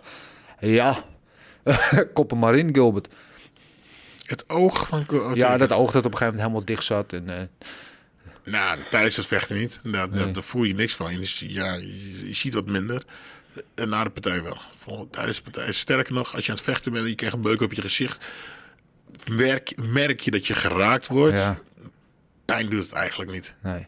Nee, het, het hindert je. je ja, maar uh, het is even alsof je, je, dat je thuis zit in het donker, je hebt het licht aan en het uh, licht flikkert af en toe eventjes. Ja, ja. Je, hey, wacht eventjes. Dat, nou, letterlijk. dat de is er open dicht. Ja, ja. ja oké. Okay. En de volgende dag doet dat natuurlijk een beetje pijn, helemaal als je verloren hebt, uh, zoals Ortega. Who will win? Who will win fighting via Instagram? Zal Rozenstruik ooit UFC kampioen worden? Nee, knik Gilbert al. Marcel? Nee, denk ik niet. Nee. Nee, nou, sowieso zou hij wat meer aan zijn takedown defense uh, moeten werken. Als je daar überhaupt uh, over na wilt denken. Uh, GB underscore 1004, ook via Instagram. Next voor Rozenstruik vond hem niet echt slecht. Uh, nee, ook niet echt goed. Daar gaan we het straks over hebben bij de matchmaking. Dutch Judas via Twitter. In hoeverre was de onbewuste kopstoot uh, van invloed op het gevecht tussen Volkanovski en Ortega? En dat was ook volgens mij, was volgens mij ook in de derde ronde, of niet? Sterk. Dat is eventjes een, een, prongelijke clash of heads was. Sterker nog, je weet het natuurlijk niet, maar ik heb die ook ik heb hem zelfs twee keer gezien, die kopstoot. Mm. En volgens mij was hij niet heel erg prongelijk. Nee? Nee, ik, uh, uh, ik wou nog eventjes terug gaan kijken. Maar uh, ik heb hem twee keer gezien. En, of zelfs drie keer. Eerste keer ging hij er goed in, de tweede keer kreeg hij nog een keer en zelfs een derde keer. En het was gewoon, hij miste iets en hij gooide gewoon zijn hoofd twee keer opzij. Dus ja. het was gewoon een klein beetje, een klein beetje opzet in, volgens mij. Dan moet je de partij even terugkijken okay. om te zien wat ik, uh, wat ik bedoel. Gaan we doen, gaan we doen. Maar ja, of het van invloed is... Ja, oh ja, nou dat is de vraag. Uh, ja, nee, ja, ja. Als je niks meer kan zien in die nee. oog, ja, dat is natuurlijk vervelend. Maar... Uh, maar kwam, kreeg, kwam dat ook kwam door die kopstoot? Of hij kreeg ook een hele barrage aan stoten te verwerken? Misschien, maar kijk, als hij nou aan het winnen was... En hij kreeg een kopstoot en daardoor hè, Ja, dat hij een minder ging vechten. omdraaide, Ja, nee. dat was nee. niet echt aan de hand. Nee, nee, nee, nee. Dat ging sowieso al, al die kant op. Ehm, Ruud van Weel via Twitter. Eh, in hoeverre, en dat is denk ik een vraag voor jou, eh, Gilbert. ehm, is je presentatie bij het opkomen, dus de opkomst, Mhm. eh, van invloed op je uitslag of op je prestatie? Eh, zoals hij noemt dan eh, Brian Ortega zijn opkomst, maar ja, wat haal je daarvan, wat haal je daaruit uit zo'n opkomst voor je gevecht? Ik heb zijn opkomst niet gezien. Maar je opkomst is een van de belangrijkste dingen van je wedstrijd. Kijk, ik weet nog. Toen mijn eerste partij had, had ik voor die, die avond van tevoren al mijn shirtje, mijn broekje, mijn bitje en mijn opkomstmuziek al zes keer afgespeeld. Dan dacht ik, zo ga ik lopen. En op dit moment ga ik lopen. Nee. Opkomstmuziek, en dat doen ze tegenwoordig niet meer, vind ik jammer. Allemaal puff liedjes. Eh, de tekst, de, eh, de beat, de, is zo belangrijk. Het, is het, het oppompen van jezelf. eh, je het klaarmaken van jezelf. Ja, eh, ik had altijd een, eh, een, een supergoed liedje dat echt op mij sloeg.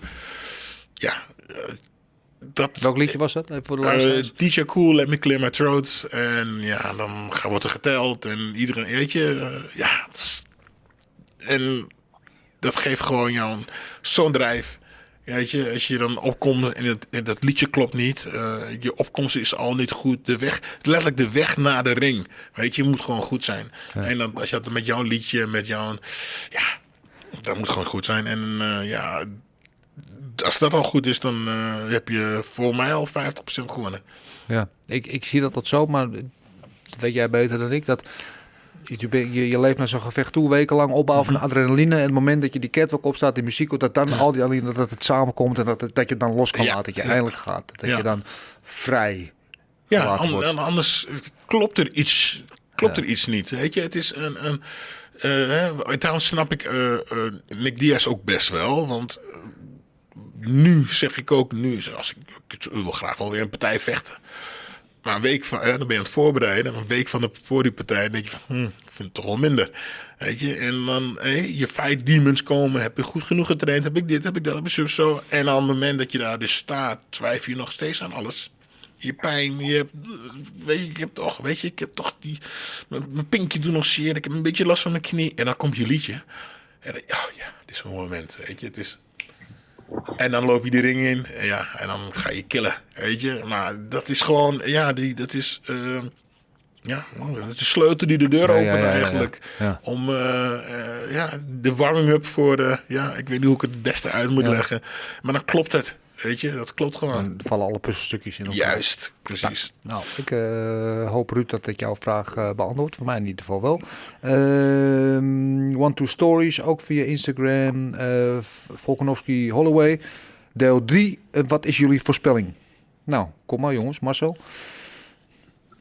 Ehm, ja, eh, ik had de eerste keer had ik gewoon gedacht dat eh, Max zou winnen. Toen Volkanovski. De tweede keer had ik gedacht dat Volkanovski zou winnen. Toen wil Volkanovski ook, maar had eigenlijk Max gewonnen, vond ik.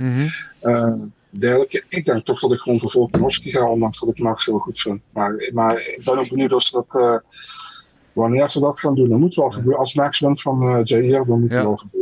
Ja, dat denk ik ook dat dat gaat gebeuren. En eh, sowieso, die twee eerste gevechten waren, wie ook als winnaar had, ze waren heel competitief. Het waren heel close fights.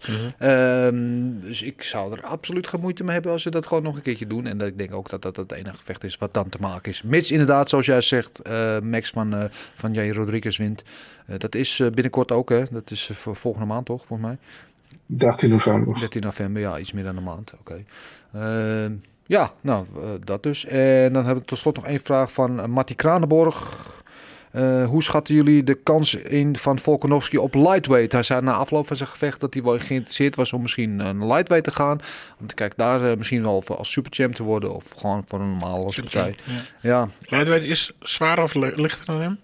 Eh, lightweight is hij is nu is 1,55. Hij vecht nu 1,45. Hij vecht nu featherweight. Ja, nou ja, hij is al niet de grootste. En eh Brian Ortega was al een stukje, hè, al deed hij, had je eigenlijk geen, eh, ik zag eigenlijk geen verschil in, eh, in, in, in althans ik, kon niet, ik vond niet dat Brian gebruik kon maken van zijn lengte. Maar ja, dan krijg je wel keer, uh, vechters die van heel zwaar lichter gaan vechten. En ik, ik vind hem eigenlijk een. Ik denk dat hij een beetje te klein daarvoor is. Ja, ja uh, ik denk dat ook, alhoewel die met het kracht geen, eh, geen probleem zou hebben. Want toen hij rugby speelde, woog je geloof ik rond 100 kilo. En uh, beukte hij allemaal grote gasten neer. Dus dat zal het punt niet zijn. Maar mm. qua reach, ja, als je bekijkt wie nu de champion is bij lightweight Charlie Olives, Charles Dobronx. ja, daar zit wel significant mm -hmm. verschil tussen. Marcel, zie jij het hem goed doen op 1,55? Geen idee, man. Daar ben ik zelf ook geen voorstander van. Ik, uh, ik snap het als champ als je denkt dat je uh, zeg maar, de top van de divisie hebt verslagen in je eigen divisie, dat je naar een andere divisie wilt gaan om double champ te worden. Maar ja, dan krijg je weer dat je dadelijk, dadelijk uh, stel je voor, hij vecht voor de lightweight titel en hij wint. En hij is double champ. En hij raakt geblesseerd. Dan heb je weer twee divisies wat opgehouden worden. Dus ik ben er zelf nooit echt een, voorstander van. Maar ik denk ook niet dat hij uitgeleerd is in de divisie, man, om heel eerlijk te zijn. Hij heeft twee keer tegen Holloway gevochten en één keer tegen Ortega. En er zijn nog genoeg andere contenders achter ja. En eventueel nog een match met Holloway. Dus ja. ja, ja, zo. Nou, er is inderdaad genoeg te doen in die divisie. Want het is dus geen divisie waar je tekort hebt aan uh, toekomstige dan wel huidige contenders. Het is een hele diepe divisie, dus uh, hij heeft nog genoeg werk te verrichten. Daar ben ik het mee eens. Uh, dan komen we aan bij. Ja, moeten we het nog over John Jones hebben? Of uh, vinden we dat. Die het vorige week na de Hall of Fame introductie van zijn gevecht tegen Gustafsson. na afloop werd hij gearresteerd. zijn huiselijk geweld. Iemand met, een auto. ik weet niet precies wat er gebeurd is. Maar in ieder geval, ja, kort gezegd, John Jones in Las Vegas. En Dana White die had ik van ja, wat moet ik met deze gozer? Want elke keer als hij hier komt, dan loopt het helemaal laten klauwen. En uh, het lijkt wel of hij zijn eigen... We noemden hem net nog als een van de meest dominante kampioenen van het afgelopen decennium of wat dan ook. Maar het lijkt wel of hij zijn eigen grootste vijand ja, hij is. Hij is gewoon een sukkel, man. hij is, ja, sorry, hij is gewoon de allerbeste. Ja. Klaar. Weet je? En hij hoeft niet, hij hoeft niet uh, uh, mensen uit te dagen en gek te doen. Net zoals onze Conor McGregor uh, doet. Weet je, maar ik denk dat uh, Conor uh, vijf keer zo rijk is als John Jones. En als John Jones nou een beetje normaal had gedaan, had hij ook zoveel geld kunnen verdienen. Hij doet alleen maar domme dingen, man. Ja. Kijk, ik ben niet een voorbeeld van de meest slimme dingen, maar hij is wel heel dom bezig. Ja. Doe het lekker normaal. Ja, het, is smet, het is niet zo smet op zijn eigen, eigen legacy. En plus dat hele gedoe van John Jones en Nagano, dat kunnen we nu ook wel vergeten. Toch voorlopig. Dat, nou, zit er niet in. Nou ja, weet je, het, hij is zo goed. Ja. dat, dat de hem alweer, al, dat waarschijnlijk alweer vergeven heeft. Ja, denk je? Ja, tuurlijk. Uh, ja. ja. Mm. De Dena van jammer dat hij er geen filmpje van had, anders had hij er een promo van gemaakt. Ja, de steekwagen van uh, Connor. Ja. Ja. Nou, misschien is hij op te vragen bij de verkeerscamera's. Uh, de verkeerspolitie in Las Vegas staat hij ergens op security cam. Wie weet. Trouwens, ja. Hadden jullie over die Hall of Fame gesproken? Hadden jullie dat, uh, de, inductie gezien van Kevin Randleman met, uh, met Bas, Bas Rutte? Mooi hè? Ja, vond ik echt mooi man. Het ja. vond ik echt een, heeft een uur lang geduurd die inductie, maar vond ik echt indrukwekkend om te kijken. Ja. Dus ja. ja. ik heb het niet helemaal gezien, maar ik heb er stukjes van gezien inderdaad. En, en hoe respectvol Bas Rutte dat deed. En Bas Rutte won natuurlijk zijn UC Heavyweight titel tegen Kevin Randleman. En, en, en een gevecht waarvan, nou ja, hè? niet iedereen het met uh, de, de, de, beslissing eens was, laten we dat zo maar zeggen. En uh, ja, zo mooi met de, met de vrouw en de kinderen van, uh, van Randleman. Ik vond het ook heel respectvol. Kudos aan Bas ook, natuurlijk ook guapo. Geweldig, ja. Um, nou ja, genoeg over John Jones. Hebben we volgende week wel weer een update over. Mhm. Ehm, laten we het hebben over uh, de matchmaking. Want we hebben de winnaars en ook de verliezers zijn ons duidelijk geworden na afgelopen weekend UFC 266. Dus uh, wat gaan we met hen doen? Natuurlijk te beginnen met de grote winnaar. De champ. De man die ze nu echt heeft neergezet als de true champion. Alexander Volkanovski. Na een fantastische partij tegen uh, Brian Ortega. Wat ligt er voor hem in het verschiet? We zeiden net al van ja, eigenlijk de enige partij om te maken is Holloway 3. Uh, Mitch Holloway natuurlijk zijn partij van Jair Rodriguez wint. Uh, is dat het inderdaad of hebben jullie nog andere suggesties? Lijkt mij Charles Oliveira. Nee, ik, uh, ik denk ook een Max Holloway 3. ja. Ja. Ja, kunnen we kort over zijn Marcel? Of nog andere suggesties? Als Max wint van Jair, dan tegen Max 100%. Ja, ja. ja. Er is nog één partij, maar die gaat niet gebeuren. Wat die ik heel graag zou willen zien. Uh, waarvan ik denk dat het zeker wel vuurwerk zal opleveren. is, uh, Giga Sikatse tegen Volkanovski. Maar die moet eerst misschien nog wel in de twee potjes uh, daar winnen om die tight shot te krijgen. Maar dat lijkt mij wel een partij die mij tot de verbeelding spreekt.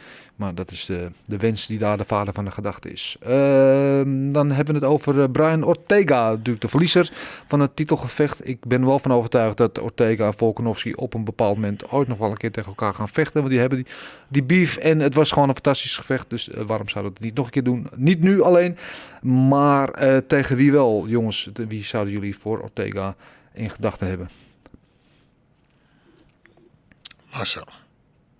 Ja, man, je, je, hebt meer, je hebt heel veel opties, man. Uh, Calvin Keder, Arnold Allen, Josh Emmett, zelfs Gigachi Katsen. Je hebt echt heel veel opties in ja. de divisie. Ja. Maar uh, ik weet niet hoe snel Ortega terug gaat komen op dit moment. Dus uh, ja, je hebt in ieder geval heel veel opties. Meer opties dan dat we normaal altijd hebben. Dus uh, ja. ja je, je, kan eigenlijk kijken wat je wil. Volgens ja. mij zijn ze allemaal vrij. Dus uh, ja. Ja. En Chance Young heeft hij pas van gewonnen, dus dat is dan geen optie.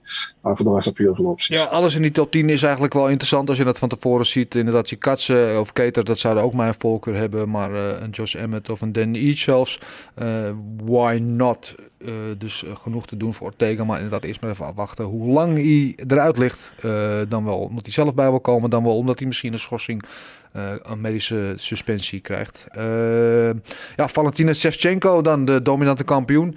De hele divisie al van boven naar beneden en weer terug uh, schoongeveegd. wij zeiden net al, ze heeft eigenlijk maar één echte uitdaging. Dat zou een, een trilogiegevecht tegen de 135 en 145 kampioen Amanda Nunes zijn. is dat ook de richting waar we met haar op moeten? zo ja en zo nee, tegen wie zouden ze anders moeten vechten? Nee, waarom, uh, waarom gaat ze niet uh, uh, strijwee vechten? Strawweight. Strawweight. Of eventjes dubbel-dubbel dingen. Ja, ja. Nou ja, kijk, we, Amanda Nunes is natuurlijk ja, het meest logische dat die tegen elkaar vechten. Voor een derde keer. Maar weet je, als je dan toch... Ja, dan zou ik eentje, een, eentje zwaarder gaan en daar de titel gaan pakken. Ja, uh, eentje licht gaan bedoel je. Dus lichter. Zeg, uh, nou, dus Sorry. Het, ah, ja, lichter dan uh, Nunes, toch? Ja. Ja. Uh, waarom niet? Naar strawweight. Ja, hey, hey, luister, Valentina tegen Rose, take my money op voorhand. De vraag is alleen, wil Valentina nog naar beneden? Hoe goed is ze nog? Als ze zo dat extra moet kutten, als je ervan uitgaat dat ze ook op 135 heeft gevochten, hoe reëel is dat? Uh, oh. Misschien moet Roos dan naar boven komen. Mm -hmm. Maar Volgens mij willen ze niet tegen elkaar. Ze willen niet tegen elkaar? Oké. Okay. Nee, Valentina wil oh, wel nee, tegen ze zijn Sam. trainingspartners natuurlijk. Oké. Okay. Ja. ja, sorry. Ja. Maar zo, wat, uh, wat zou jij doen met Valentina? Inderdaad, gewoon de, de champion ja, fight met Nunes? Ik, ik vind Gilbert's idee eigenlijk heel goed hoor. Maar kijk, dat zou goed zijn als Zang kampioen was daar. En misschien zou Zang tegen haar op flyweight kunnen. Maar ja, Zang is geen kampioen meer, dus dat komt helemaal nu niet voor, denk ik. Ja, toch de Nunez-partij, man. Ik, ik, denk dat dat toch de meest logische optie is. Kijk, alles wat onder haar staat, heeft ze gewoon gewonnen in de flyweight-divisie. En het is niet dat ze er veel moeite mee heeft gehad. Nee. Dus um, ja, ze, ze, ze zit gewoon in, in een, hoe zeg je dat? Um, in een void. Ze zit gewoon, ja, ze, ze kan eigenlijk niet, niet, tegen iemand op dit moment in dat divisie waarvan je van denkt van wauw, dit gaat echt een moeilijke partij voor worden. Dus um, ja, ja we, we, gaan het zien. Ik ben heel benieuwd wat ze gaan doen. Ik, we zeiden vorige keer ook al dat Nunes 3 een goede partij zou zijn. Ja. En toen wilde Dena niet eraan, maar Dena was nu iets meer, uh, iets meer richting die kant. Ja. Kan, kan Germaine uh, het gewicht van Valentina halen? Nee. Nee? Nee, dat lijkt me uitgesloten. En uh, voor Amanu, ik, ik wil ook een groot voorstander zijn uh, van die derde partij tegen Nunes. Maar Nunes gaat nu eerst tegen Juliana Peña om die 135 titel. En daarna zal ze weer een keer de 145 titel een keer te gaan verdedigen. Als er een nieuwe contender daar uh, opduikt. En misschien daarna pas tegen Shevchenko. Dan heb je het al gauw over, over minimaal een jaar of zo. Dat dat zou gaan gebeuren. En ik weet niet of Valentina daarop wil wachten. En of Nunes überhaupt zin in die partij heeft. Want die heeft daar meer te verliezen dan te winnen lijkt mij. Behalve een hoop geld te winnen, uiteraard. Dus uh, we zullen zien uh, wat, uh, wat dat gaat opleveren. De tijd zal het ons leren. Ehm, ja, Blades en Rozenstruik. Blades had zelf ook, die zou wel tegen Stiepen willen. En dat lijkt me op zich wel een logische partij in die heavyweight divisie. Want we hebben daar natuurlijk Gaan tegen Nagano die daar eerst gaat komen. En ehm, ja, Lewis tegen Blades, de rematch lijkt me wat vroeg. Eh, jongens, hebben jullie daar nog eh, suggesties voor? Ja, Marcel? gewoon Blades tegen Stipe. En ik zou Rozenstruik tegen Dawkins zetten. Ja, nou, alsof je mijn gedachten kan lezen. Dat is precies ook wat ik had willen zeggen. Dat eh, lijkt me ook voor Rozenstruik een, in ieder geval een, een te winnen gevecht. En twee gasten die wel aardig hard kunnen mappen. Dus dat is altijd leuk voor ons om te zien. Dus eh, daar eh, sluit ik mij vo- volledig bij aan. En dan tot slot in de matchmaking wil ik het toch even hebben over de twee legends. Ehm, als ze nog doorgaan, Diaz en Lawler. eh, het zou ook kunnen zijn dat ze nu allebei zeggen van nou, het was mooi geweest zo. We hangen de pet aan de kapstok en de mazzel. Ehm, het zou ook geen moeite mee hebben. Zou het een waardig afscheid voor beide zijn. Ook al had die, heeft Diaz verloren. Ehm, stel dat ze nog wel gaan vechten tegen wie zouden we die willen zien? Gilbert? Nou, Dick niet. Die moet gewoon lekker Nee, stoppen. ik moet stoppen. En ehm Robbie. Ja, geen idee eigenlijk. Eh, wie is de kampioen? Wie is de kampioen? De kampioen, Oesman. Ja, dat is de is weggestopt. En ze moeten niet met een tegen, eh, nee, ze nee, ze nee. moeten niet. Kijk, ik vind in dit geval heel jammer dat Carlos Condit niet meer in de mix is. Die natuurlijk laatst eh, heeft, eh, heeft aangekondigd dat hij gaat stoppen. Dat zou voor allebei een mooie, partij, een mooie rematch kunnen zijn. Maar je moet deze gasten in mijn ogen, en ik ben benieuwd hoe jullie daarnaar kijken, maar niet meer tegen jonge opkomende gasten of hooggerengte gasten. Die moet je gewoon, weet ik veel. eh, Maar Masvidal, heeft hij al tegen dingen gevochten? Tegen... Ja, Masvidal eh, zou, een, zou wel een leuke partij kunnen zijn. Maar die, die zit er aan op nog een titelgevecht. Dus die wil alleen voor de ranking vechten. Dus dat denk ik niet dat dat een optie is. Eh, ik zat voor beide misschien te denken. Misschien eh Cerrone zou voor allebei leuk kunnen zijn. Die wil ook nog een laatste gevecht. Dus zou een van beide van die twee een, mooie afscheidpartij. Zouden ze samen afscheid kunnen nemen. Eh Lawler misschien tegen Nate. Ja. Tegen de broer. ja, ik zit te denken. Kan de broer eh, daar wraak voor proberen te nemen? Of, eh, en, en, en Nick Diaz dacht ik misschien tegen Conor McGregor. Ja, maar die wil, moet hij wel gaan trainen. Dan moet hij er wel klaar Dan moet hij voor wel zijn. Moet hij- en dan ja. moet hij het echt willen. Ja. Ja, Ja, is wel een goede broer natuurlijk. Ja, maar dan haal ik McGregor ook even uit die, die ranking eh, discussie. Want die moet ook gewoon, denk ik, op dit moment de money fights pakken. Want het maakt niet uit tegen wie die Ja, maar dan denk ik toch de beter Nate tegen eh Conor. Want dan is het, eh, het staat 1-1. Ja, Toch? ja de Ja. trilogy fight. Ja, maar die kan dan altijd nog. Die kan dan altijd Ja. nog. Die, kan, die, die blijft er altijd. Die trilogy fight die blijft tot het einde van dagen blijft die, zijn geld waard. En, Marcel, wat had jij voor zowel Lawler dan wel Nick nog in de aanbieding? Ja, Lawler tegen Nate zou ik ook wel interessant vinden, denk ik. Ehm, en Nick, ik weet het niet man, zo moeilijk te zeggen. Hij wilde Ja. nu weer op eh, 185 wilde die vechten, waar hij op 170 was. Dus ik heb eigenlijk voor Nick heb ik niks, eh, zo, Niks, niks, zo 1 ja. tegen 3 waar ik van denk van, eh, ja, dat lijkt me een goede partij. Dat, eh, Wat ook niet doet. misschien, dan kom je misschien al in de, eh, tegen de Ed Hermans of dat soort eh, gasten, denk ik. Maar Ed Herman vecht 205 Mhm. tegenwoordig, dus dat is Ja. ook geen optie. Nee. Ik weet het niet, man. Ik weet het Nee. echt niet. Nou ja, misschien dat hij ook wel gewoon eh, richting de zonsondergang eh, rijdt op zijn paard. En eh, dat het hem was. En dan wens ik hem veel succes. Goed, eh, Marcel, het is eh, jouw moment om te shinen. Ik weet, je had heel veel nieuws afgelopen week en een paar eh, breaking news dingetjes ook. Dus verblijd ons alsjeblieft met wat je in de aanbieding hebt qua eh, recent vechtnieuws. Ja, eh beginnen 16 oktober. Eh, Danny Roberts keert terug in twee jaar afwezigheid tegen Ramazan Emiev. Aardige partij, denk ik. Ja, Altijd. leuke partij. MBF sowieso leuk om te zien altijd. Ben ik wel benieuwd naar wat hij nu gaat doen de volgende wedstrijd. Ik ook. Heb je 23 oktober. eh, Dwight Grant zou tegen Gabe Green vechten. Gabe Green lag in het ziekenhuis. Ik weet Ja. niet precies wat hij had. Was niet heel ernstig volgens mij. Maar hij moet nu doen Dwight Grant tegen Francisco Trinaldo. Oké. Ik hoop uh, beterschap, hoop dat het goed gaat eh, met Green. Ik ook. Eh, dan hebben we Grant Dawson, die eigenlijk aankomende week zou vechten tegen Diego Ferreira. Ja, Ferreira was geblesseerd volgens mij. En nu vecht Grant Dawson tegen Ricky Glenn op 23 oktober. Dus, ja. Ricky Glenn, mooi. Alleen al om zijn naam mooi. Ja, hij heeft het ook veranderd. Het was eerst Rick Glenn. Ja, hè, maar Rick die dan wordt Ricky genoemd worden. Ja, meestal is het andersom, toch? Eh, ben je, als je jong bent, Ja. heet je Ricky. En dan als je oud wordt, volwassen, dan noem je Rick. Hij doet het andersom. Ja, waarom ook niet? Zijn leven. Moet kennen, moet kennen. Dan hebben we 30 oktober, UFC 267 in Abu Dhabi. Vorige week zei ik nog Albert Duraev tegen Alessio Di Chirico. De Chirico is teruggetrokken. Het is nu Roman Kopilov geworden. Oh, Dus ja. wat is er met die Dus, Chirico? eh, ja, is onbekend. Is eh, niet bekend gemaakt. Maar eh, ja, je krijgt nu dus eh, zeg maar een voormalig ACB kampioen tegen voormalig Fight Nights Global kampioen. Dat is wel interessant. denk Ja. ik. Twee Russen. In Abu Dhabi. Why not?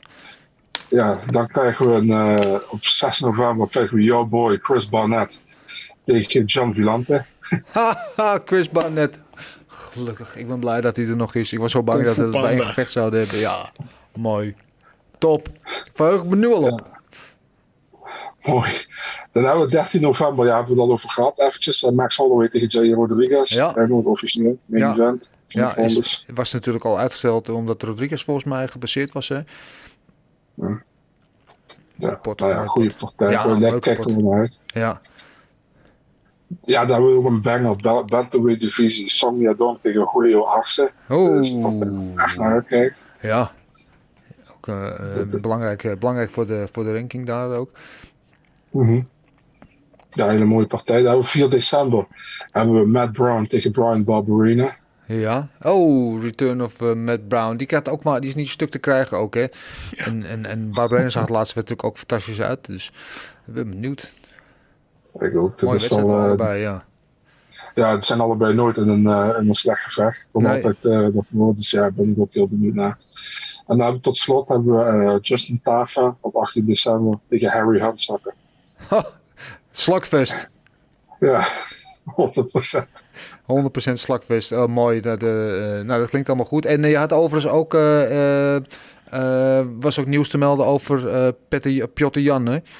Ja, ja.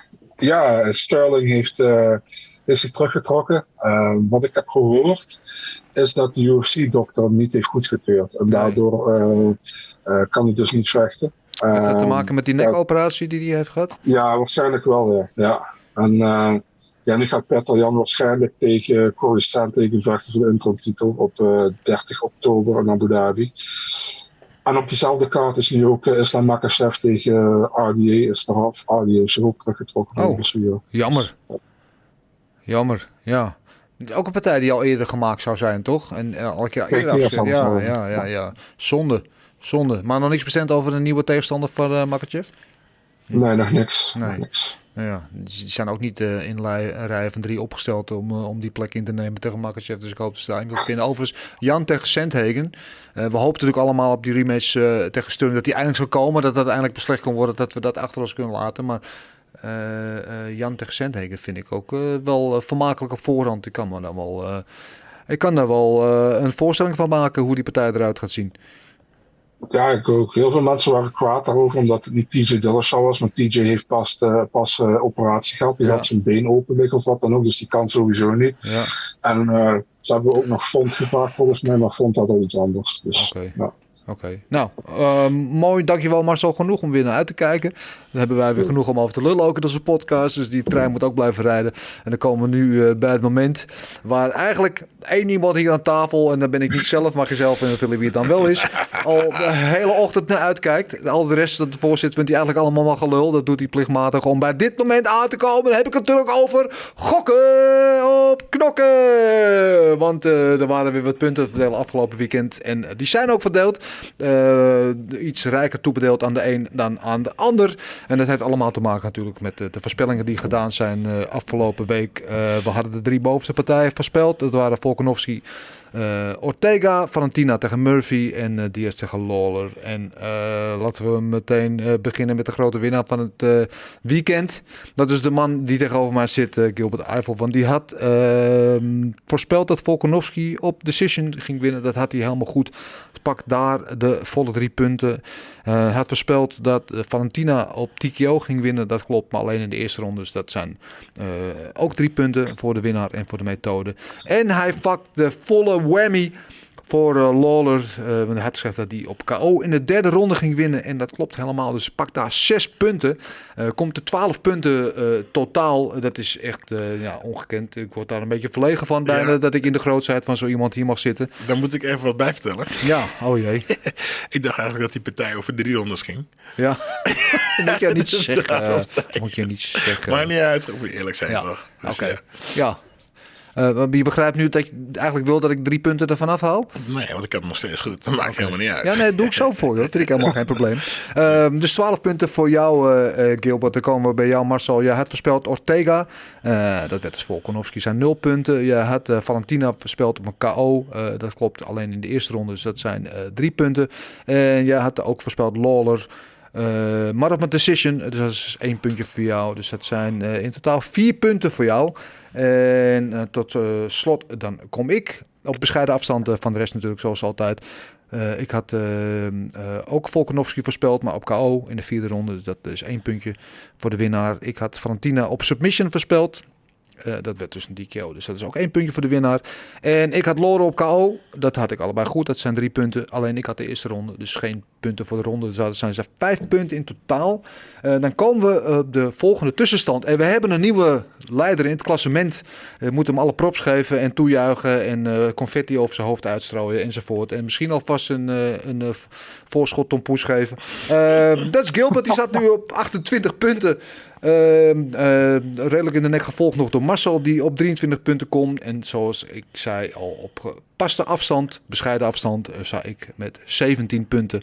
Dus, maar alles is nog open, jongens. Alles is nog open. Het is, het is ongemeen spannend. En ik vind het mooi dat, nou, dat in ieder geval wat gebeurt bovenin. Wie er ook wint, ik ben natuurlijk volkomen onpartijdig.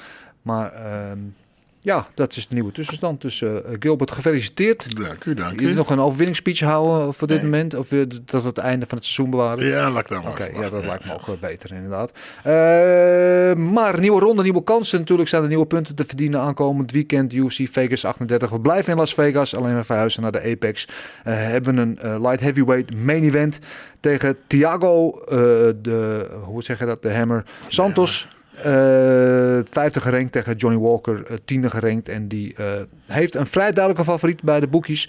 Namelijk Santos staat min 300 tegen plus 250 voor Johnny Walker. En mijn vraag aan jullie is natuurlijk zoals altijd. Wie gaat deze partij winnen? Waarom en hoe en in welke ronde? Wie wil dit aftrappen? Gilbert? Nou, net als vorige week, hè, met de meeste punten wil ik gewoon rustig afwachten. Oh, oké. Okay. maar nogmaals, ik mag graag naar uh, uh, Marcel luisteren, omdat hij gewoon echt verstand van heeft. Ja. En ik heb gewoon heel slecht mijn huiswerk gedaan dit keer. Dus. Oké, okay, nou zal ik uh, Marcel niet meteen, die moet toch eventjes de, de wonden likken van het verlies van afgelopen week. Dus ik zal deze dan maar beginnen. Uh, Santos tegen Walker, natuurlijk twee Brazilianen. Uh, ja, allebei vechters die het graag op de voeten houden. Santos komt weliswaar van, van mij van drie verliespartijen op rij inmiddels. Waarvan wel eentje tegen, tegen John Jones die misschien ja. wel gewonnen had. Had kunnen, ja. ja misschien ja, wel had absoluut. kunnen winnen. Uh, maar ja, de, de juryleden beslissen toen anders. Uh, uh, verloor daarna van Teixeira en van, van Rakic. Normaal gesproken op basis van en van ranking, maar ook op basis van credentials. Zou ik zeggen dat Thiago hier de bovenliggende partij moet zijn in deze wedstrijd tegen Johnny Walker. maar Johnny Walker natuurlijk de laatste wedstrijd tegen Ryan Span. In de eerste ronde zelf bijna gefinished. Opgestaan uit de dood. En vervolgens met helbo's, met ellebogen, won hij van Ryan Span. Die we vorige week nog zagen. traint inmiddels bij SBG. Ik geloof dat dat nog steeds zo is inderdaad. Onder bezielende leiding van John Kavanaugh. Dus dat heeft misschien wel wat verandering in zijn game aangebracht. Toch denk ik niet dat hij opgewassen is tegen Thiago Santos. Uh, Thiago Santos die een beetje plek vecht ook voor zijn plek daarbovenin. Als hij nog wat wil, moet ik nu gaan doen. Ik denk dat hij het gaat doen. En ik denk ook dat hij, dat hij Walker gaat finishen met een TKO in de tweede ronde. Ja, ik wil altijd met die curveball. Mooi hè? Trap, een beetje, de, de, de, er weer in. De spanning een beetje opbouwen. Ja, oké. Okay. Marcel, wil jij nu of moet ik me Gilbert eerst laten? Ik ga wel, omdat Gilbert heeft gewonnen, dan ga ik wel uh, voor hem. Galant, zo, galant zo, zo ben ik, weet je. Zo ben ik. um, maar ik ben ook alweer zo dat ik hem wil inhalen. Dus, uh, nee, uh, Even kijken. Uh, ja, Santos tegen Walker uh, voor, de, voor de King of the Light Heavyweight uh, divisie in, in Rio de Janeiro. Uh, komen allebei uit Rio de Janeiro. Ja. Walker, ja man, ik zie hem graag vechten. hij is soms een beetje te wild. Ja, onberekenbaar. Ja. ja, daar ging hij dus ook, daar ging dus ook neer. tegen Krillov. Krillov had een, ja, ging met heel veel takedown en control ging hij doen. Dat dat Santos dat gaat doen tegen Spaan, wat, je zei, zat in de problemen. Maar uiteindelijk wist hij met, uh, met ellebogen TKO wel heel veel back of the head trouwens. Maar goed, mm. dat daar gelaten uh, wist hij te winnen. Sampos, ik vind Sampos niet goed uitzien nadat hij terugkwam tegen Jones met die uh, dubbele blessure wat hij heeft gehad aan zijn benen. Um, ja, man, ik, ik, zeg je eerder, ik denk dat Walker hem nog uitslaat in de eerste ronde. Dus ik ga voor Johnny Walker. Oeh, hartstikke idee. Johnny Walker, eerste ronde KO, zeggen we hier voor uh, Marcel. Uh, inderdaad, die zware knieblessure was het geloof ik, hè, die had kruisband uh, die hij hm. heeft gehad. Um, nou, Gilbert, dan is het moment daar gekomen dat je eigenlijk wat mag zeggen. Nou, sowieso ehm, Thiago. Ik ga voor Thiago. Uh, en ja, uh, ik weet wel dat hij uh, minder is gevechten na die knieblessures. Maar het, is nu een beetje het, de laatste paar gala's komen de mensen die we een beetje af hebben geschreven een beetje steeds sterker weer terug. Dus ik ga voor Thiago en ik denk dat hij... Ik ga op KO. Mm, tweede ronde. Dat is een echt gok op knokken, jongens. Tweede ronde KO voor Thiago. Tweede ronde KO, uh, zegt jij. En jij het We zijn het wel erg met elkaar eens. Hè? Ik vind het gewoon vervelend wordt. Nee, grappig. uh, Oké, okay, dus we hebben twee uh, winnaars voor Walker, voor Santos en eentje voor... ik vul het gelijk even in in het archief, want dan kunnen we er achterover niet meer over delibereren. Dan hebben we de volgende wedstrijd die op het programma staat. de co-main event gaat tussen Kevin Holland en uh, Kyle Dawkers. Uh, Kyle de broer. Familie van? Familie van de broer, ja, broer, ja, inderdaad. Dus die zit misschien nog in de winning mood door zijn broer laten zien. Dit is een gevecht op, op de middleweight. Kevin Holland gerankt als 14e. Is uh, licht favoriet met min 150 tegen plus 110 voor Dawkers. En wat gaat deze partij opleveren? Gilbert, dan mag jij hem wel aftrappen. Ik trap hem af. ook hier geen idee. Ik ga voor Kevin. Hè? Um, Kevin um, op middel van, uh, ik denk zelfs de laatste. Hè? Het is ook grappig als ik eerst voor het eerst begin. En dan zeg ik van nou, die gaat hem pakken in de derde ronde op low kicks. En dan komen jullie met een heel iets anders. Want het super grappig. Um, maar ik blijf erbij. Kevin, uh, derde ronde, uh, TKO. TKO in de derde voor Gilbert. Uh, Marcel, uh, ben je het daarmee eens of heb je daar wat tegen in te brengen? Ik heb daar wat tegen in te brengen, denk ik. Uh, Kevin Holland, we weten allemaal waar zijn uh, Achilles ligt. Dus het, het worstelen. Mm -hmm. En dan gewoon gaan. Die van Brunson, Vittori, daardoor. En zetten ze nu tegen Carl Dawkins, wat een submission specialist is. Die ook de partij naar de grond wil brengen. Uh, ja, het, het, het, ding is, gaat Dawkins hem naar de grond krijgen en kan hij hem daar houden en kan hij daar gaan werken. Dat is een beetje het ding. Als, dat, als hem dat lukt, gaat hij de partij winnen. Als dat niet lukt en Holland kan hem raken, dan kan Holland hem ook uh, finishen met die, via TKO.